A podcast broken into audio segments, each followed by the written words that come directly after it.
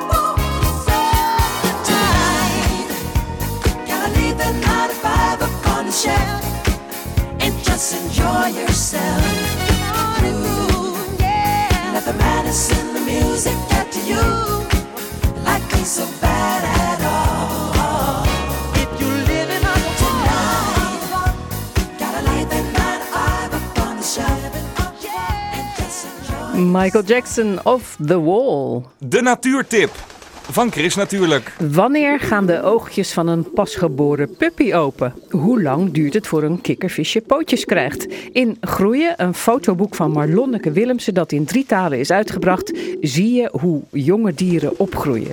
Chris natuurlijk ontmoet de fotografen bij kinderboerderij Klaverweide in Capelle aan de IJssel. En dat is een plek waar ze heel veel is geweest voor haar boek. Ik heb eh, hier bij Klaverweide eigenlijk eh, alle eh, boerderijdieren gefotografeerd. Dus een, kalfje, eh, twee geitensoortjes, een lammetje en eh, varkentjes. Evelien, jij hebt dus meegeholpen eigenlijk aan dit boek, zou je wel kunnen zeggen.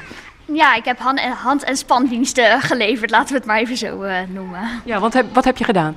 Eh, eigenlijk steeds, de, nou ja, sowieso het contact onderhouden met Marlonneke als er eh, een dier geboren was.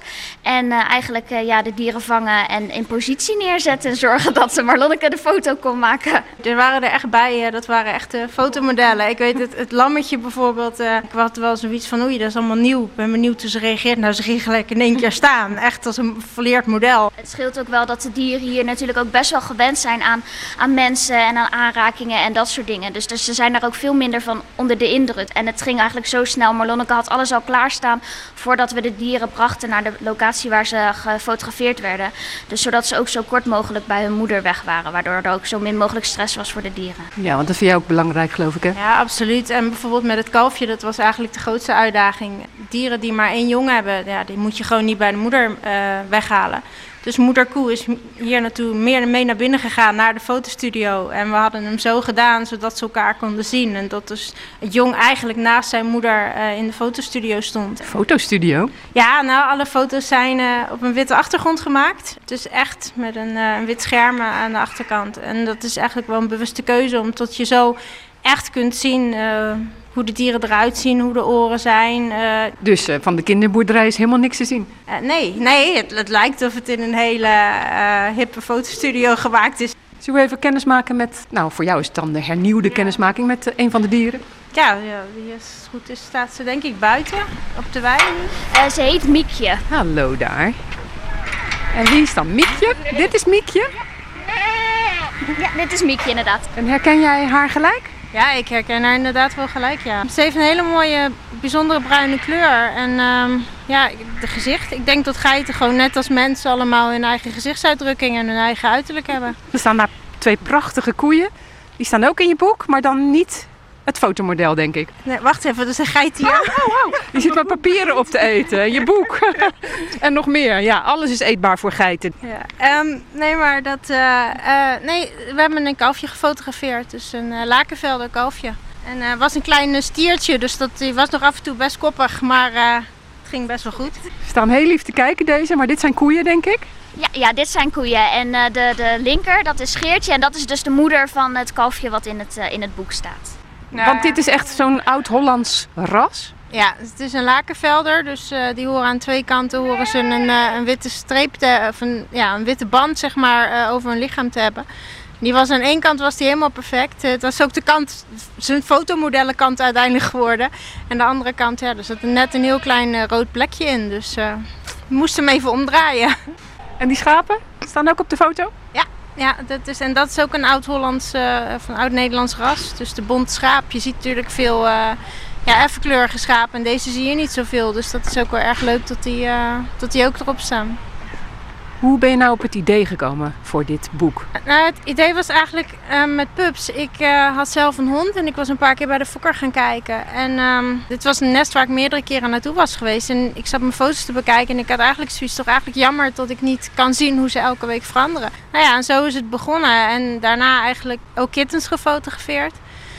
Eh, nog cavia's. En, en toen deed ik een keer mee met een expositie en ik hoorde alleen maar mensen zeggen: Ach, wat schattig, ach, wat schattig. En dat mag wel en dat is ook goed. Maar voor de andere kant er zit gewoon ook een verhaal achter. En dat, dat vond ik ook belangrijk. Dus daarom ben ik ook gewoon andere diersoorten gaan fotograferen die misschien minder schattig zijn. Maar juist doordat je kunt zien hoe ze groeien en hoe bijzonder dat is. Waarvan ik dan hoop dat mensen daar ook gewoon interesse in krijgen.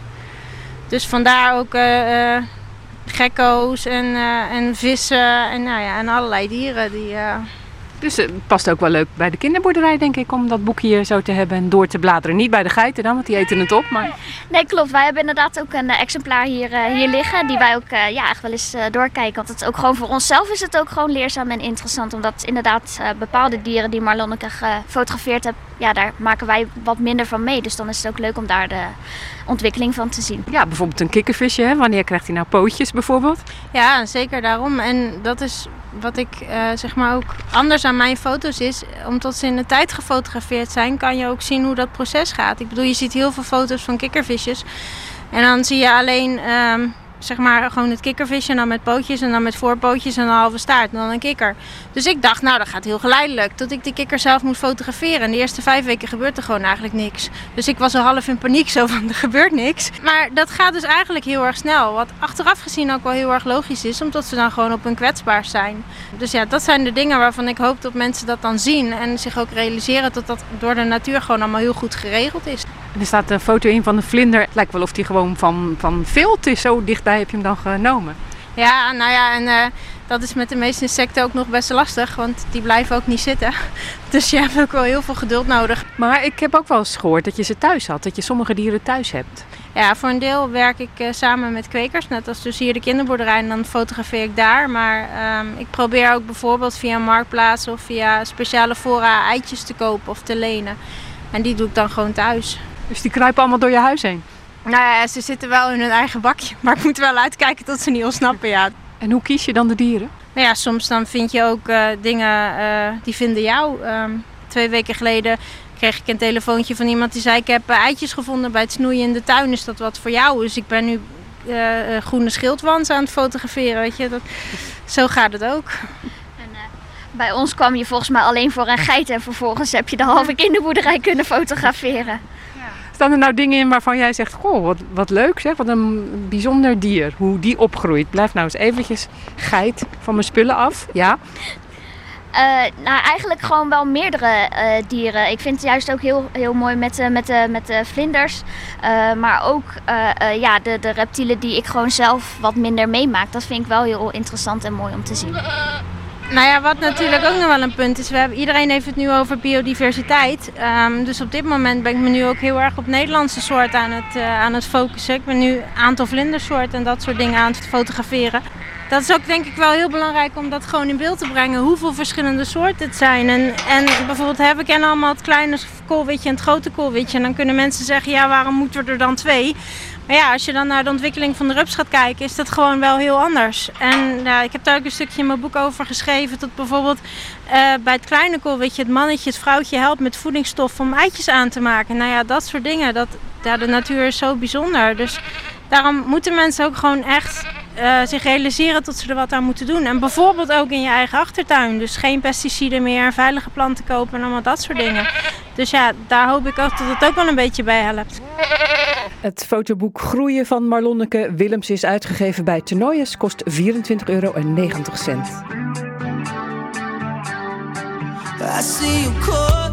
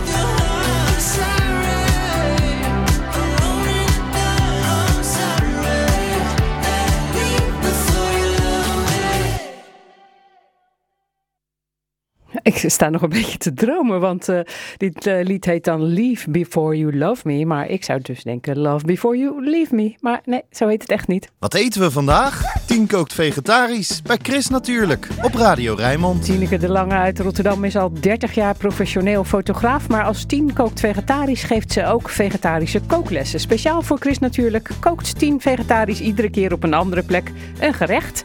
Waar we vandaag zijn, dat horen we van Tien zelf. We zijn in de voedseltuin op de Keilerweg. Prachtig plekje in Rotterdam. Lekker wild. Er staan heel veel groenten. En ik heb begrepen van een andere Tineke... dat die eh, groenten bestemd zijn voor de voedselbank... en voor een heleboel andere plekken in Rotterdam. Het is heel erg leuk om te zien hoe tussen al dat wilde... want er zijn heel veel wilde bloemen... dat er ook ontzettend veel groenten staan, heel veel mooie kruiden staan... En ik ben er met Tineke al doorgelopen en we hebben wat eh, groenten gevonden, wat kruiden gevonden, waar we daar een lekker hapje van gaan maken. Ehm, maar ik vind het vooral een hele toffe plek zo midden tussen de havens, een beetje ruig, een beetje wild. En eh, het is nou natuurlijk hoogzomer, dus het is allemaal, staat allemaal hoog, allemaal heel mooi contrast met al dat eh, industriële hier. Jij neemt altijd ook nog Beb mee. Hoe gaat het met Beb vandaag? Beb is in goed doen, eh, heeft zich enorm verheugd, want te lang op Rotterdam-Zuid gezeten. Eindelijk weer eens een keer naar Rotterdam-Noord, waar het gelukkig ook wat ruiger is. Want West dan, hè? Nou ja, het is aan de andere kant van Ja, de rivier. Eh, het eiland van Brienoord is namelijk helemaal aangeharkt. Dus er is niets meer te beleven. We hopen hier in de voedseltuin wat meer avontuur te, te vinden. Dat ziet er wel naar uit dat dat gaat lukken. Tineke van den Burg, jij bent van de voedseltuin. Ja, dat klopt. Al eh, ruim tien jaar ben ik eh, betrokken hier bij de voedseltuin. We kweken hier niet alleen heel veel mooie groente en fruit voor gebruikers van de voedselbank en andere sociale projecten in eh, Rotterdam en Delfshaven. Maar eh, we zijn hier ook eh, een hele mooie plek voor eh, heel veel mensen die hier ja, met ontzettend veel plezier werken op de tuin. Wij, wij noemen iedereen vrijwilliger. en ja, mensen zijn hier om diverse redenen zijn ze hier op de tuin. De een moet iets terug doen voor zijn uitkering, de ander is gepensioneerd. De andere eh, vindt het lekker om eh, gewoon even buiten de deur eh, te werken. Dus het is een hele leuke mix van eh, hele diverse mensen. Dan ben je meteen in een oase. Een oase die al nou, net iets meer dan tien jaar bestaat. Ja, dat klopt. Ja. En het wordt alsmaar mooier hier. Het is ongelooflijk. Ja, want ik was hier dan twee jaar geleden. En toen zag het er echt heel anders uit dan nu. Bijvoorbeeld, want eh, die, daar heb je een sponstuin. En eh, de andere Tineke wilde weten, wat is dat dan, de sponstuin? Nou, ik was bij de aanleg ervan. Toen zag hij er echt niet uit zoals nu. Nee, het ziet er nu echt eh, prachtig uit. Vol met bloemen, mooi kunstwerk van Joep Verlieshout. En het is een tuin die aangelegd is door de urbanisten. Een landschapsarchitect die hier aan de tuin huist. En eh, met deze sponstuin eh, gaan ze kijken welke Rotterdamse grondsoort het beste als een spons kan fungeren. Want eh, nou ja, met de klimaatverandering hebben we natuurlijk enorme stortbuien, hebben we allemaal gezien en gemerkt. Maar we hebben ook hele droge periodes, dus het is heel belangrijk dat we grond hebben die als een spons kan fungeren. Het staat allemaal uitgelegd hier op het bord. Nou, laten we een stukje verder gaan lopen. Want we worden omringd door heel veel groen en ook heel veel kleuren. We bouwen alles in cirkels en in de ring staan bijvoorbeeld eh, frambozenstruiken. En daarachter zie je eh, boontjes klimmen aan een hek. En daarachter staan weer eh, ja, allerlei andere groenten, volgens mij pompoenen, maar ook allerlei soorten bloemen. Zodat we veel beestjes en bijtjes hier op de tuin hebben. Want alles heeft een functie in de natuur. Mensen die gebruik maken van de voedselbank kunnen nu zelf hier komen met een stripkaart. En voor de rest zijn er een aantal projecten die met onze groenten koken. Dus het komt allemaal goed terecht. Ja, en vandaag ga jij, andere tien, ook eh, koken van de voedseltuin. Ja, we gaan iets doen met een, eh, we zagen een spitskeultje. Nou ja, de meeste mensen eh, denken in de- deze periode dan heel veel courgettes. Laten we daar een soep van maken. Maar we maken juist met die spitskool gaan we een soepje maken. Eh, we zagen koolrabi. Van koolrabi heb ik zoetzuur gemaakt. Dat leggen we in, eh, in het bord van de soep. Ik heb oud brood gevonden. Lekker. Waar heb je dat dan gevonden? In mijn eigen kastje. Eh dat hoef je niet weg te gooien of aan de vogels te geven. Kun je heel lekker croutons van maken. Dus die snij je mooi eh, met lekkere olie, peper en zout. Lekker eventjes doorheen halen. Goed opbakken. Ja, want dat dat is echt ook helemaal in de stijl van eh, deze voedseltuin, toch? Zeker, we gooien niks weg. We maken gebruik van, van alles wat er is. Ja. croutonnetje. Ik heb wel iets vreemds gevonden bij de Turkse supermarkt. Dat is een soort van verse kaas aangelengd met wei. We gaan wat koriander gebruiken, want ik zag heel veel mooie verse koriander hier. Korianderbloempjes. Korianderbloempjes worden natuurlijk uiteindelijk korianderzaadjes. Dus ik heb ook gepoft korianderzaad bij me. En vorige eh, maandag zagen we zonnebloemen. Die zijn nog niet helemaal klaar hier, maar van zonnebloemenpitten kan je natuurlijk pesto maken. En dat is veel dichterbij en veel meer In Nederland verkrijgen we dan eh, die pijnboompitten die je ergens anders vandaan haalt. En stukken goedkoper. Stukken goedkoper. En ik kreeg van eh, Tom, de tuinman, kreeg ik eh, een patisson mee. Dat is een heel mooi pompoentje. Hele mooie gele. Die kan je eigenlijk, als hij zo jong is, kan je hem bijna rauw eten. Maar ik heb hem in mooie partjes gesneden. Ik heb hem gerookt. Toen heb ik hem gegrild. En toen heb ik hem zeggen, toen hij warm was, nog een beetje overgoten met een soort marinade. Krijgen de, de vrijwilligers dadelijk hier een eh, lekkere... Het is een beetje een moot patisson. Ja, en voor hoeveel mensen ga je koken dan? 200 heb ik begrepen. Dus ik heb een...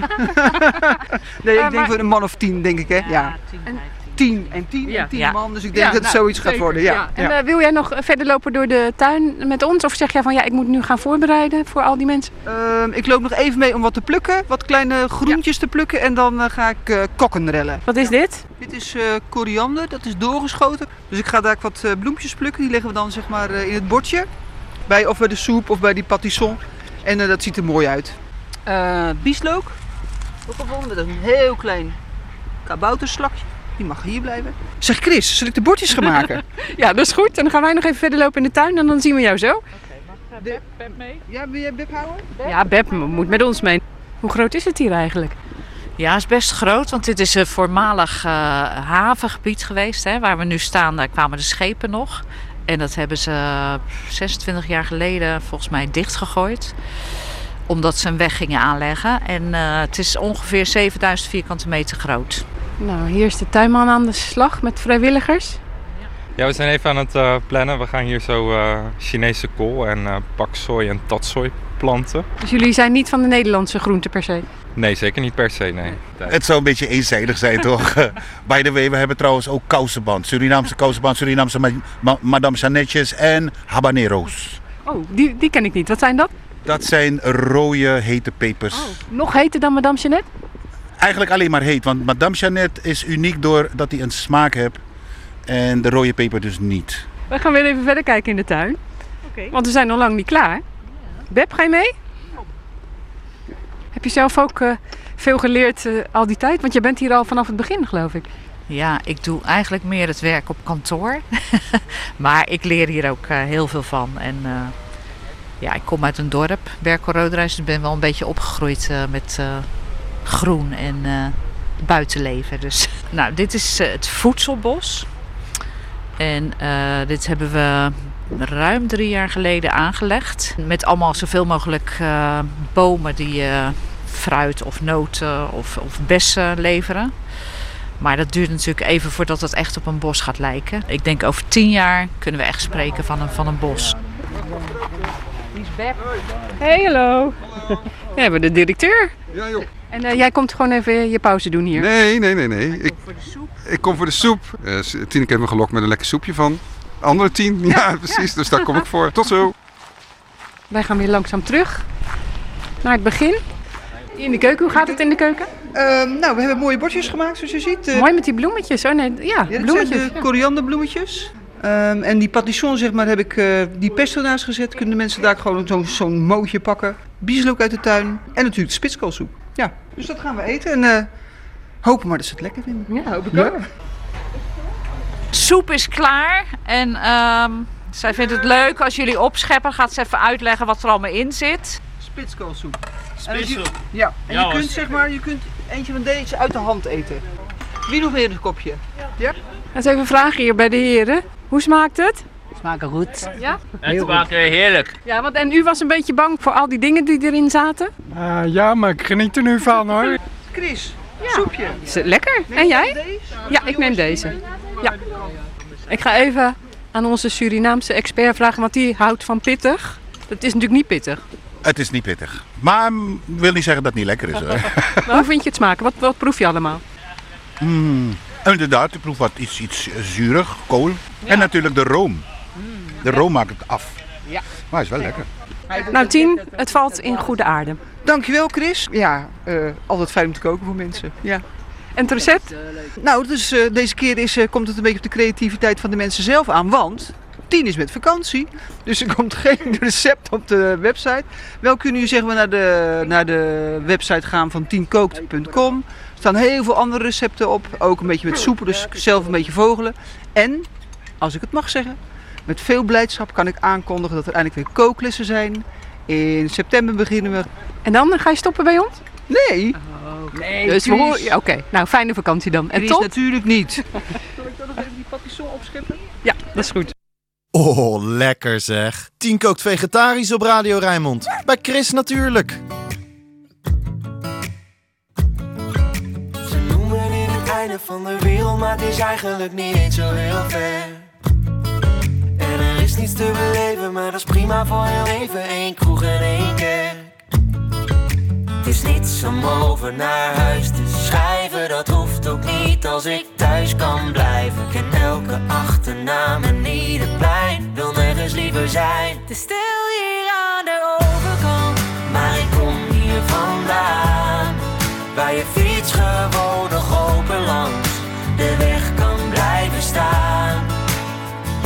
af en toe dan kan de smaak van de stad me nog verleiden. Maar vertellen mijn gedachten dat ik hier had moeten blijven. Ver weg van alles, daar is iedereen dichtbij me. En het is waar wat ze zeiden. Het is stil hier aan de overkant. Maar dat maakt op zich niet uit. Ik kom nergens anders thuis. En ja, er rijden treinen hier. Aan de oevers van de IJssel, als je carrière maken wil, dan hoef je niet te blijven hier. Maar hier lopen wegen naar Rome gaan het bos in. Naar waar het feestje van het jaar de zwarte cross is. Daar waar het glas niet half leeg, maar half vol is. En een open deur los is. Het is niets om over naar huis te schrijven. Dat hoeft ook niet als ik thuis kan blijven. Ik ken elke achternaam en ieder plein. Wil nergens liever zijn. Is stil hier aan de overkant. Maar ik kom hier vandaan. Waar je fiets gewoon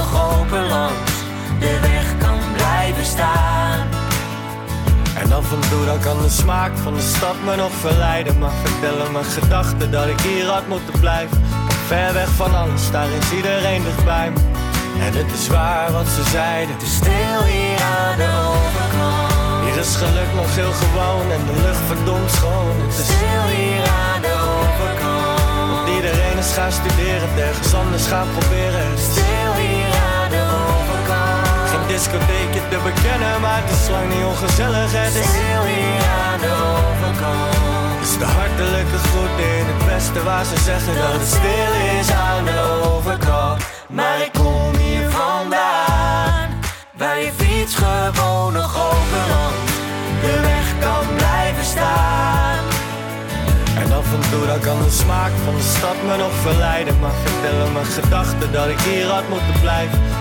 Ver weg van alles, daar is iedereen dichtbij me. En het is waar wat ze zeiden. Stil hier aan de overkant. Suzanne en Freek, featuring Snelle. Chris natuurlijk. De weekendbijlage. Wat staat er in de weekendkranten over groen en natuur? Je hoort het in het overzicht dat ik vandaag samenlees met Aries van Meteren. Aries, een hele goede morgen. Jij gaat beginnen. Ja, de opwarming van de aarde, het smelten van het poolijs, de uitslaande bosbranden overal ter wereld. Ineens kunnen de gevolgen van klimaatverandering niet meer te keren zijn. Volgende week verschijnt het nieuwe klimaatrapport van de Verenigde Naties en de Volkskrant blikt vooruit. In Trouw een reportage over de verdwenen wespendief in een bos in Zuidoost-Friesland. De wespendief is een grote zeldzame roofvogel die op een buizerd lijkt, maar die wespen eet. De boom met het nest van deze vogel is gekapt, per ongeluk. Het AD Rotterdam heeft ook vogelnieuws. De politie zoekt nog altijd naar de dierenbeul die al dagen actief is in Overschie. Er vliegen daar kraaien rond met tie wraps die aan hun lijfje zijn vastgemaakt. Dit is dierenmishandeling, zegt de wijkagent in de krant. Tot nu toe zijn er ongeveer zes vogels gezien die slachtoffer zijn geworden. Een eekhoorn denkt na bij iedere sprong. Eekhoorns gebruiken takken als springplank. Als ze meer meeveren, springen ze sneller en dat schatten ze razendsnel in. Je leest erover in NRC.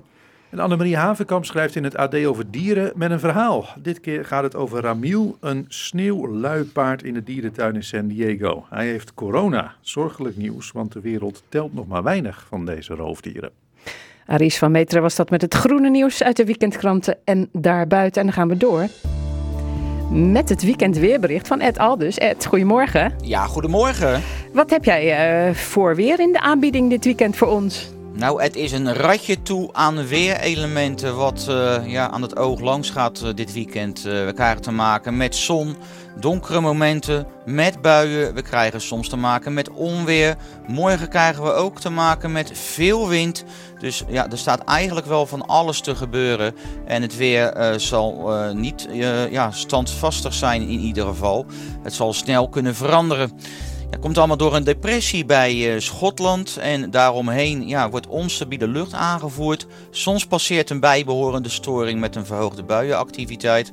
Nou, vanochtend kan er al verspreid een bui voorkomen. Op dit moment trekt er een bui bijvoorbeeld onze regio binnen, maar dat zijn geen zware buien. De wind waait nu matig uit een zuidelijke richting. Maar vanmiddag trekken vanuit het zuidwesten meerdere buien de regio binnen. Grote kans op onweer, lokaal veel regen. Kans op windstoten ook trouwens. En de wind uit het zuiden tot zuidwesten die neemt flink toe. Die wordt eh, matig windkracht 4 boven land aan zee krachtig een windkracht 6. En de maximumtemperatuur komt uit op 21 graden. Nou wordt het vanavond tijdelijk droger. Maar later op de avond en vannacht opnieuw buien met kans op onweer. Aan zee een krachtige zuidwestenwind, windkracht 6. De temperatuur zakt dan naar een graad of 15. En morgen een afwisseling van zon en bewolking. Verspreid vallen enkele buien. Het wordt een graad of 20. Dat is vrij koel dus nog steeds. En er staat veel wind morgen. Met name morgen vanaf de middag. Aan zee dan zelfs een harde wind, windkracht 7. Kans op windstoten tot 70 km per uur. En ook boven land gaat de wind flink toenemen. Die wordt krachtig, windkracht 5 of 6. Ja, en dan maandag eh, minder wind, maar buiig. Een temperatuur van een graad of 20, slechts af en toe zon. Ja, en vanaf dinsdag pas mag eh, op een weersverbetering worden gerekend. Ja, laten we daar maar heel eventjes eh, op inzoomen dan, eh, Dat dacht Ed. ik Want ik al. werd een beetje depressief van, van al dat... Ja, het is niet echt hoopvol, maar vanaf dinsdag ziet het er wel hoopvoller uit. Zeker voor een paar dagen. Dinsdag nog een laatste bui. In de middag meer zon. Wordt het droog, een temperatuur van 20 graden. Woensdag al wat eh, warmer, 22 graden. Periode met zon en droog. En donderdag, dan zou het land inwaarts wel eens 25 graden kunnen worden. Met zonnige periode. En ja, het lijkt een wonder, maar ook die dag lijkt droog te verlopen. Zo, nou, we kunnen toch niet vrolijker eindigen. Behalve dan misschien met eh, of je nog wat leuks gaat doen vandaag. Nou, nee, een beetje rustig aan. Een Ja? beetje rustig aan. Ja, ik ga binnen, want je verwacht natuurlijk dat ik ga vogelen. Ja. Nou, ik, ga, ik ga binnenkort vogelen, eh, vogelen. Ik ga een dinsdag een hele dag eh, erop uit. Dus eh, ja, ik bewaar mijn kruid nog even tot dinsdag. Oké, dankjewel. Rustig aan dus en eh, fijn weekend. Voor jou ook, Chris. Dankjewel, hoi. Luisteren allemaal naar Chris. Kom daar toch. Chris, natuurlijk.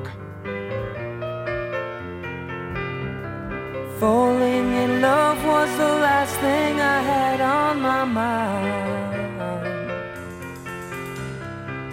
Holding you is a warmth that I thought I could never find.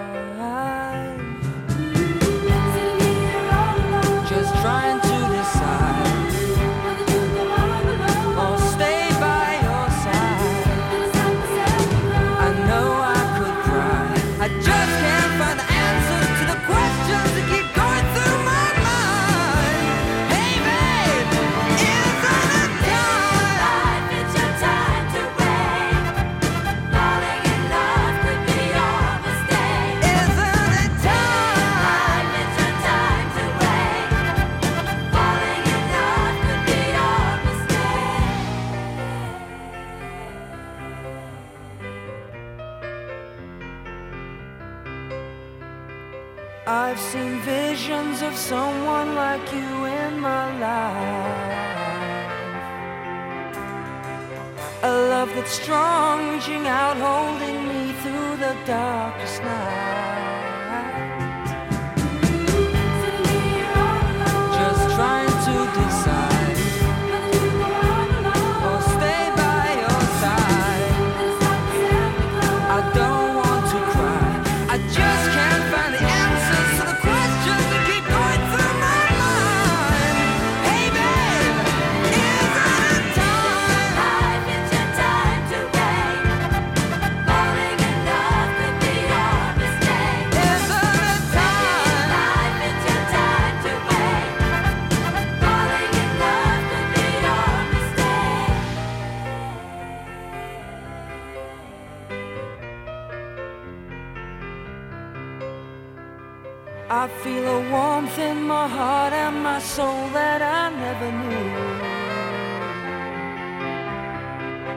This love affair gives me strength that I need just to get me through.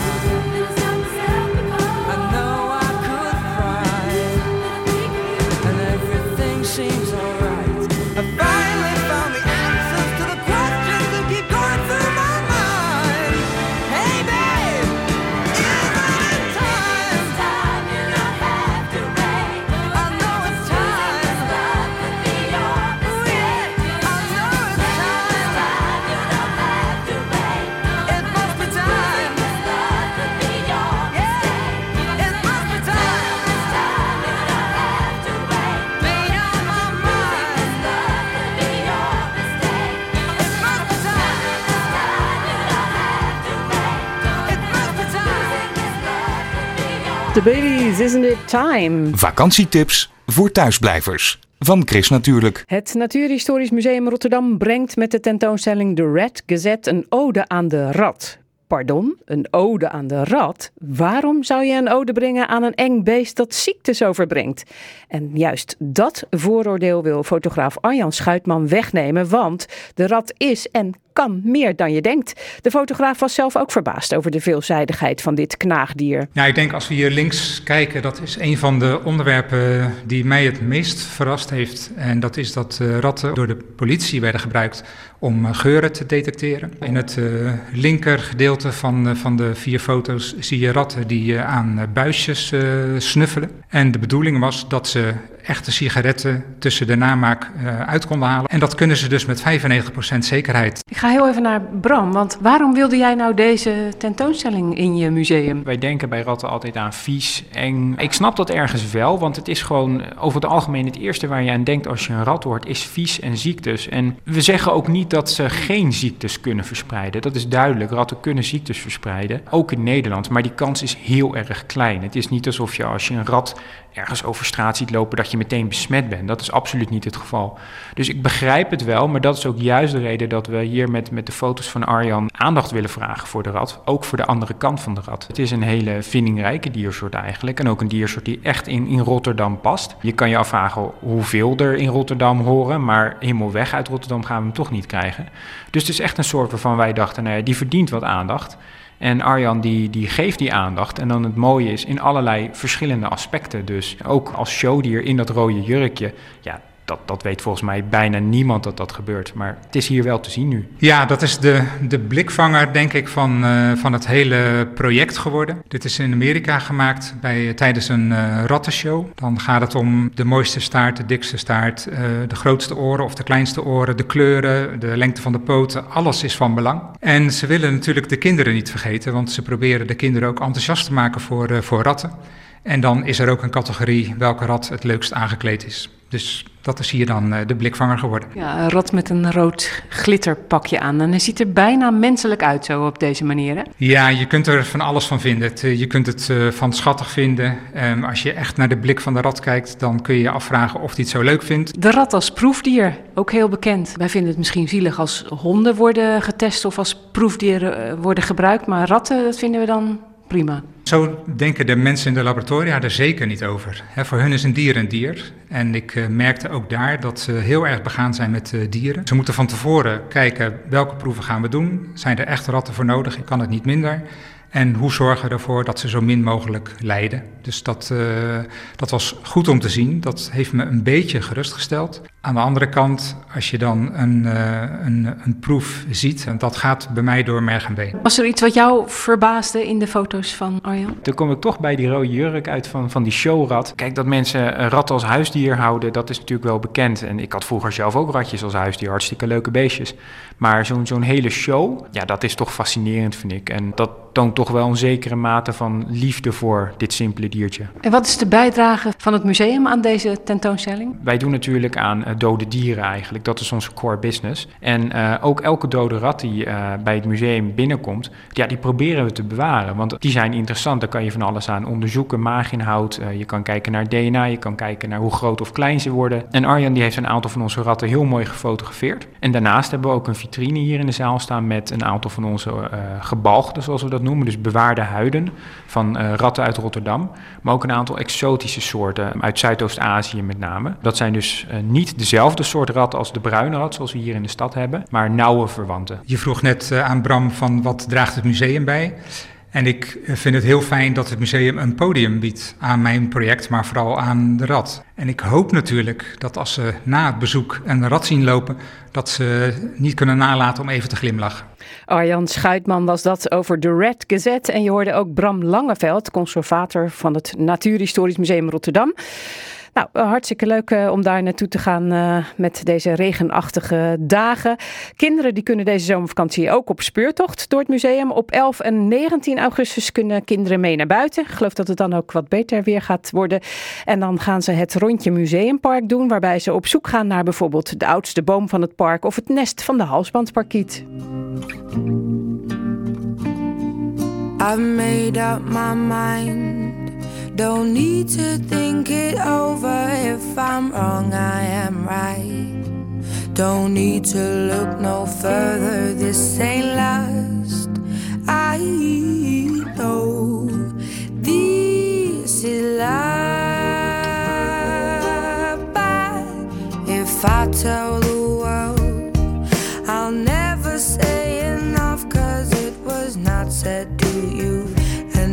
exactly what I need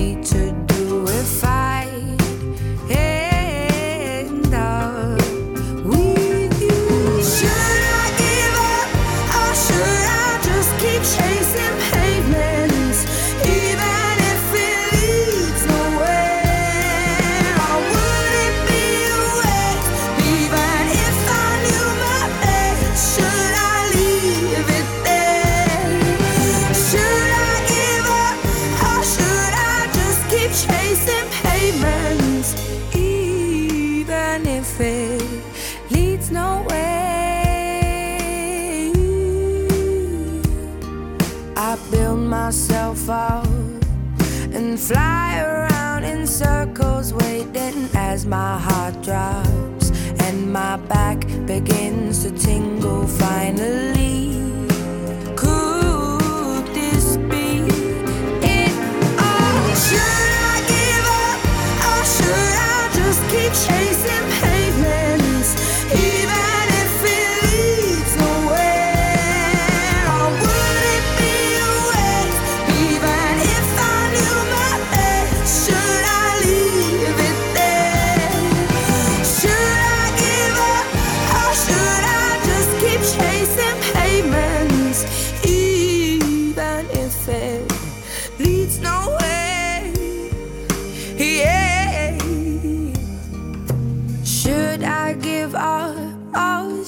Just keep chasing pavements even if it leads nowhere?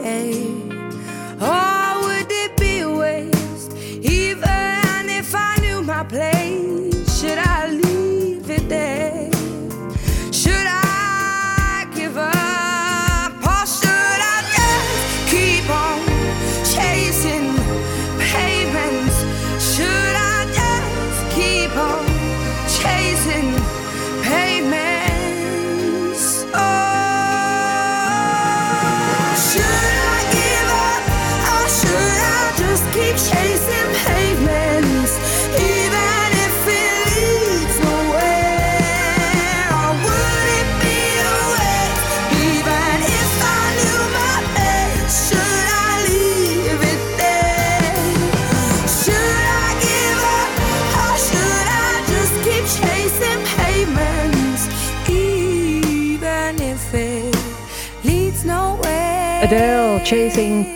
Chris natuurlijk.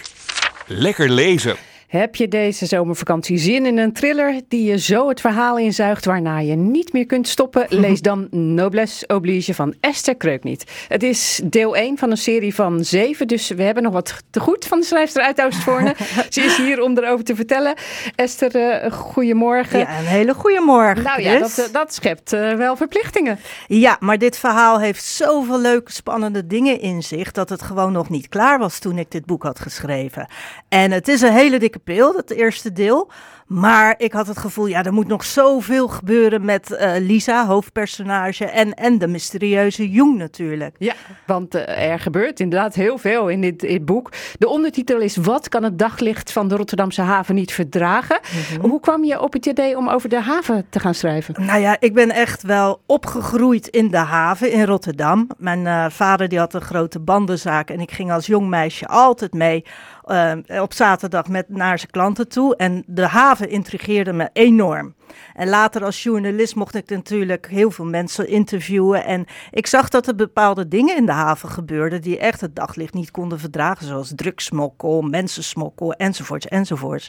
En toen ik een heel mooi artikeltje las in de krant over een frauderende douanier. Toen dacht ik, ja, nu heb ik mijn onderwerp. Nu Daar ik wil ik ja. meer over weten. En toen ben ik het boek gaan schrijven. Ja, nou ja, dan dan moet je eerst natuurlijk heel veel research eh, Enorm, doen, eh, ja. denk ik. Ja, Want- en dat vind ik ook gesproken daarvoor. Ik, eh, dat vind ik ook het leukste onderdeel natuurlijk van mijn werk, om iedereen te spreken. En ik heb een eh, officier van justitie gesproken, iemand bij de zeehavenpolitie, maar ook mensen die eh, echt werken in de haven.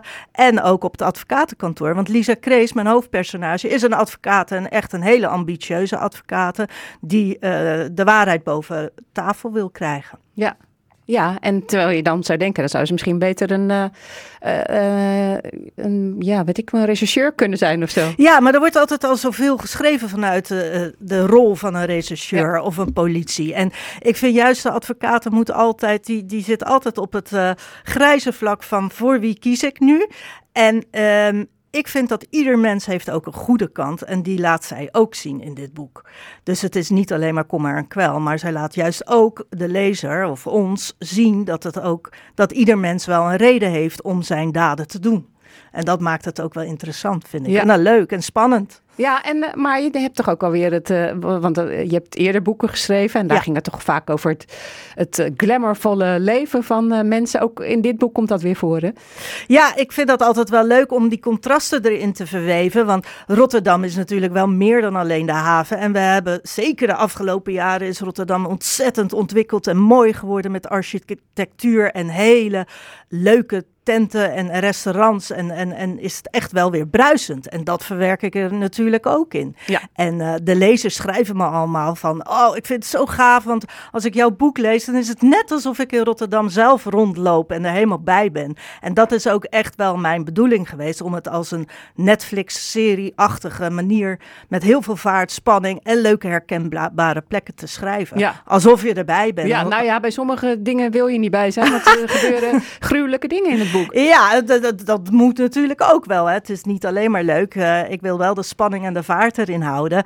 En deze soort misstanden gebeuren ook zeker in het, eh, in het echte dagelijkse leven. En daar wil ik ook wel aandacht voor vragen. Dat zijn de maatschappelijke onderliggende kwesties die, er, die ook zeker in het huidige leven spelen. Ja, maar geef eens een voorbeeld daarvan.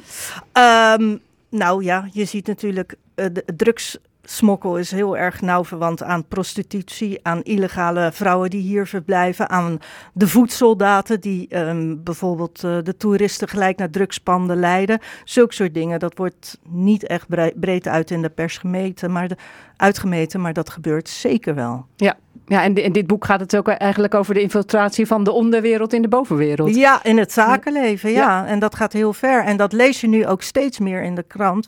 En ehm, ja, het is natuurlijk ook heel actueel dat eh, advocaten onder bedreiging leven. En eh, dat gedeelte wordt er ook, eh, ook in het boek behandeld. Want zij werkt op een advocatenkantoor. En ehm, ja, daar, daar zie je dus ook de dagelijkse gang van zaken, dat er bedreigingen eh, komen en dat, eh, dat de mensen heel goed moeten nadenken wat ze wel en niet moeten aannemen. qua Ja, die ze wel verdedigen en niet. Ja, dat is best een, eh, inderdaad een, eh, een eng iets. eh, wat, wat inderdaad nu ook echt gebeurt. Hè? Ja, dat je helaas. Als, als advocaat ook gewoon vermoord kunt worden. Ja, nee, eh, vreselijk, verschrikkelijk, natuurlijk. Eh, In dit boek eh, lezen we dus eh, dat Lisa Krees, je noemde haar al een paar keer. Hè? Dat Ja. is een talentvolle advocaat eh, in Rotterdam. Woont in eh, Kralingen, moeder van een dochtertje. Mhm. En in Kralingen ontmoet ze een hele leuke man. Eh, die gaat ze verdedigen in een rechtszaak. Maar ja, dat gaat allemaal niet helemaal volgens de regels. Nee, ehm, Lisa Krees die, die, leeft met een geheim uit haar verleden. En dat heeft ze natuurlijk heel handig weggemoffeld. Maar, en zich totaal op haar werk gestort. Hele ambitieuze advocate. En wat ze doet, dat wil ze heel goed doen. Maar dat geheim uit het verleden, dat achtervolgt haar wel. En er is, er, er is in dit boek een mysterieus persoon die heet Jung. En die houdt haar scherp in de gaten. En door het hele boek heen kom je er steeds meer achter wat haar geheim zou kunnen zijn. En dat is ook best wel een taboe, wat ik natuurlijk hier niet ga vertellen. Maar zij vindt het vreselijk, want dat kan haar carrière schaden als, als uitkomt wat zij als jonge studenten heeft uitgevreten. Nou, met dat- dat soort misstanden in het leven, daar hebben mensen natuurlijk wel mee te maken. En ehm, naarmate het boek vordert, kom je krijg je steeds meer sympathie voor haar. En dan krijg je ook het gevoel van, ja, wat je geheim in je leven eigenlijk ook is. Je zou daar niet zo voor moeten boeten. Het Noblesse Oblige is het eerste van zeven delen dat losjes is gebaseerd op de zeven hoofdzonden. Welke hoofdzonde is het in dit boek? Of moeten de mensen dat zelf uitkiezen? Eh, nou, dit is wel echt gebaseerd op hebzucht. Ja. En wat mensen daarvoor doen en niet doen. Ja, maar jij, jij keert het ook weer ten goede, Ja. eh, zeg jij. Ja. Jij, wil, jij wil niet alleen maar die hoofdzonde, maar ook de deugden. Ja, want ik hou wel altijd van een goede afloop. Ik, eh, ik lees zelf graag ook eh, feel-good boeken en eh, goede romans. En maar doordat ik nu eh, een thriller heb geschreven, moet er natuurlijk een spannend element in voorkomen. Maar ik vind een goede afloop, dat iemand in, inziet wat, hoe die zijn, ehm, eh, eh, hoe die het tot een deugd kan maken, vind ik dat wel heel erg belangrijk. Ja, maar het boek is niet afgelopen, want eh, ja, er komen nog zes andere delen. En keren daar dan Lisa en die geheimzinnige jong, keren die weer terug? Jazeker, je kunt het een beetje vergelijken met Clarice en Hannibal uit The Silence of the Lambs. Hij gaat haar helpen, hij zit natuurlijk wel in de gevangenis, maar dat lees je allemaal in het eerste deel. En Lisa, ja, die gaat, die gaat, eh, Gaat de strijd verder. aan. Ja, en dan dus ieder boek een nieuwe hoofdzonde. Ja, ja. ja. En dan eh, zeg je in een eh, nawoord, zeg je, hebben jullie inspiratie voor het volgende deel? Mail me. Ja, ik vind het wel leuk om de lezers er actief bij te betrekken. Sommige mensen hebben hele goede ideeën en die mailen me dan ook. En, eh, ja, de ene keer kan ik er wel wat, iets mee doen en de andere keer niet. Maar iedereen zegt, de mensen die ik tegenkom bij signeersessies of lezingen, die zeggen altijd, "Ah, als je mijn verhaal zou weten, nou, dan zou je ook wel een boek kunnen schrijven. En ja, inspiratie is altijd welkom. Ja, en dus leuk. Dat, ga je dan eh, eh, eh, optekenen misschien. Misschien, En, eh, misschien, en, en de volgende niks. hoofdzonde, hadden we dat al gezegd? Nee, Wat hè? zeg je? De volgende hoofdzonde? Ah, dat hou ik nog eventjes geheim. Ik ben nu heel erg aan het onderzoeken en aan het interviewen. En in september begin ik eh, weer met mijn nieuwe, nieuwe deel, het volgende deel. Ja, maar eh, je laatste thriller, die eh, niet met deze serie iets te maken heeft, die schreef je zes jaar geleden. En Ja. dan ga je er dan straks weer zo, zo lang over Nee doen? hoor, nee. Ik heb deze al min of meer uitgeschreven. En ik hoop er ongeveer een jaar, anderhalf jaar over te doen. Ja, want dan zou je er in totaal wel 36 jaar Ja. Dat is misschien een beetje lang. meer. Maar de hoofdpersonages, die blijven dus. Die blijven. En het speelt zich af op een advocatenkantoor in de Oude Haven. Dus dat is wel heel erg leuk. En Rotterdam blijft ook altijd de hoofdrol spelen. Wat het zo lekker herkenbaar maakt voor de lezers. Ja, en omdat je die hoofdpersoon al een beetje hebt, dat maakt het misschien ook wel weer wa- wat eenvoudiger. Ja, en, en, en de vaart zit erin. En het is net als een serie. Je, je pakt een onderwerp en je gaat er gelijk woem mee aan de haal. Dus dat is wel heel lekker. Ja, nou, deel 1 is er. Maak kennis met Jung en Lisa Kreest uit Noblesse Oblige. Het boek is uitgegeven gegeven bij LSC Crime. Kost bij de boekhandel in je buurt 22 euro en 95 cent. Esther Kreukniet, heel erg bedankt voor je komst. Gauw naar huis eh, om aan deel 2 te gaan schrijven. dankjewel. Oh nee, want je had nog even vakantie, hè? september. Dankjewel Esther. Dankjewel. Hiermee zijn we aan het einde gekomen van Chris Natuurlijk. Een programma van Chris Vemer, Aris van Meteren en Joost de Jong. Die werkte mee. Morgenochtend Chris Natuurlijk op Zondag met het beste uit de natuur van afgelopen week. Volgende week in Chris Natuurlijk zomeren op de Maasvlakte 2. En straks drie uur lang muziek voor volwassenen met Johan Derksen. Fijn weekend.